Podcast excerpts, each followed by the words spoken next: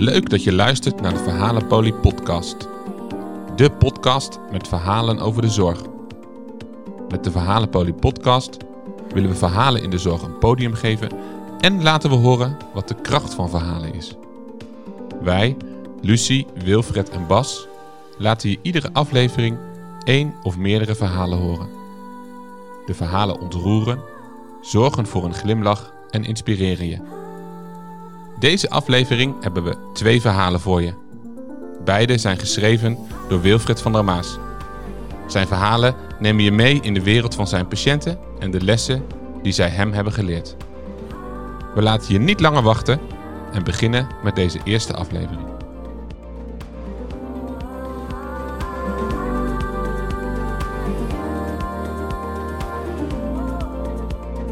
Verrijking.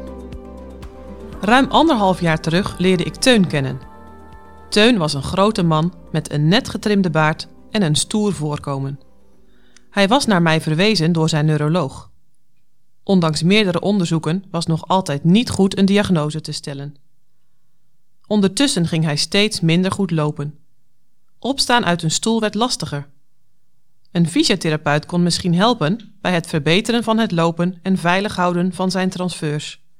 Daarom stond ik nu voor zijn neus. De eerste weken spraken we een intensief traject af. Ik bezocht hem drie keer per week thuis. Teun praatte veel.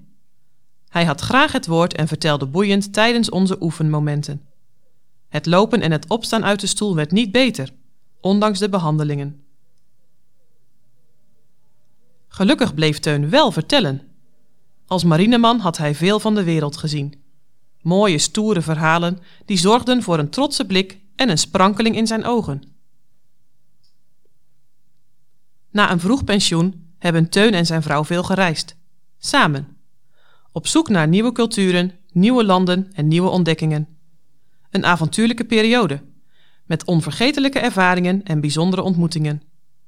Nog altijd sprak hij opgetogen over vrienden die wonen in alle uithoeken van de wereld. De ziekte van Teun kreeg steeds meer grip op hem. Ons lopen buiten stopte. Regelmatige vallen in huis zorgden voor een grote angst bij Teun om zelf nog te lopen. De wereld van Teun werd zijn huis. De laatste maanden zat hij in een rolstoel. Teun had alleen zijn verhalen nog.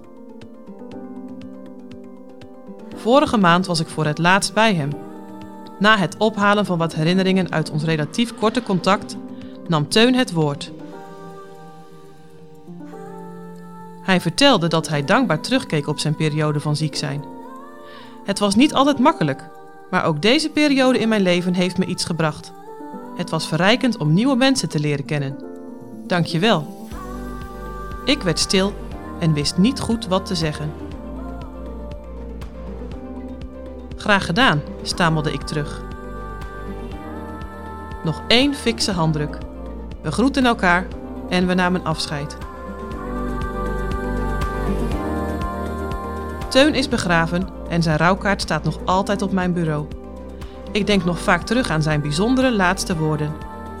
Dankbaar ben ik dat ik hem heb ontmoet. Zijn vermogen om altijd iets van waarde te zien was voor mij een verrijking.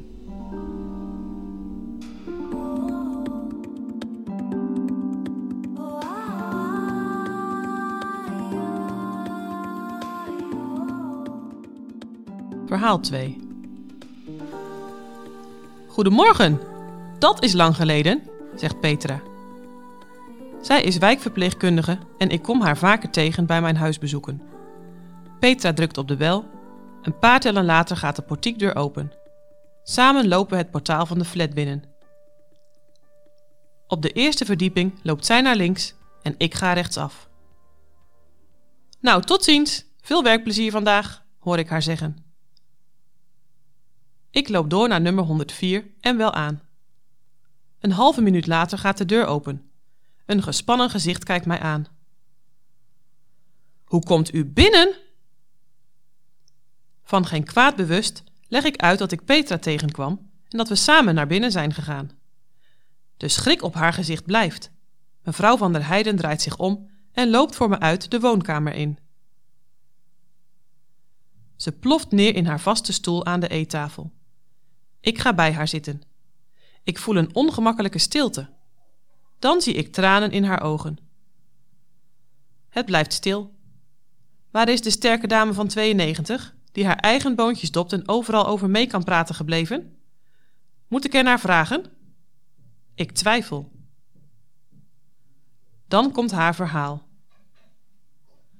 Een paar weken geleden is zij overvallen door een insluiper.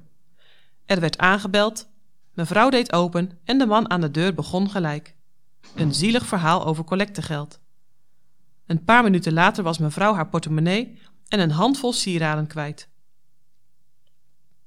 Dat was niet eens het ergste. Door deze daad komen nu dagelijks herinneringen bij haar naar boven. Gebeurtenissen die een diep spoor hebben getrokken in de jeugd van mevrouw. Vooral verhalen uit de oorlog. Maar ook het overlijden van haar man en een van haar kinderen houden haar weer elke nacht wakker.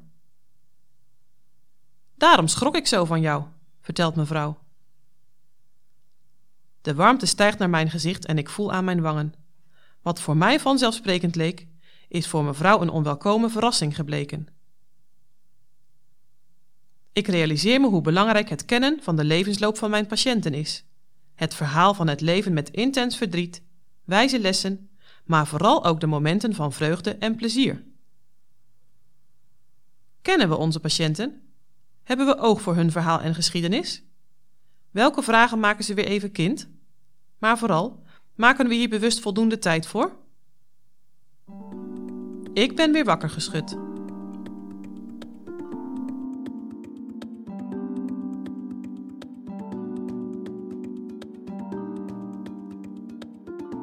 Dit was de eerste aflevering van de Verhalenpolie podcast. Gemaakt door Lucie van der Maas, Wilfred van der Maas en Bas Schepers. Ramiro Martina verzorgde de montage. Heb je vragen naar aanleiding van deze aflevering? Of heb je zelf een verhaal dat je wilt delen in deze podcast? Mail naar bas.heldenbureau.nl Wil je niks missen van de Verhalenpolie podcast? Volg ons op Spotify. Over drie weken weer een nieuwe aflevering van de Verhalenpolie podcast.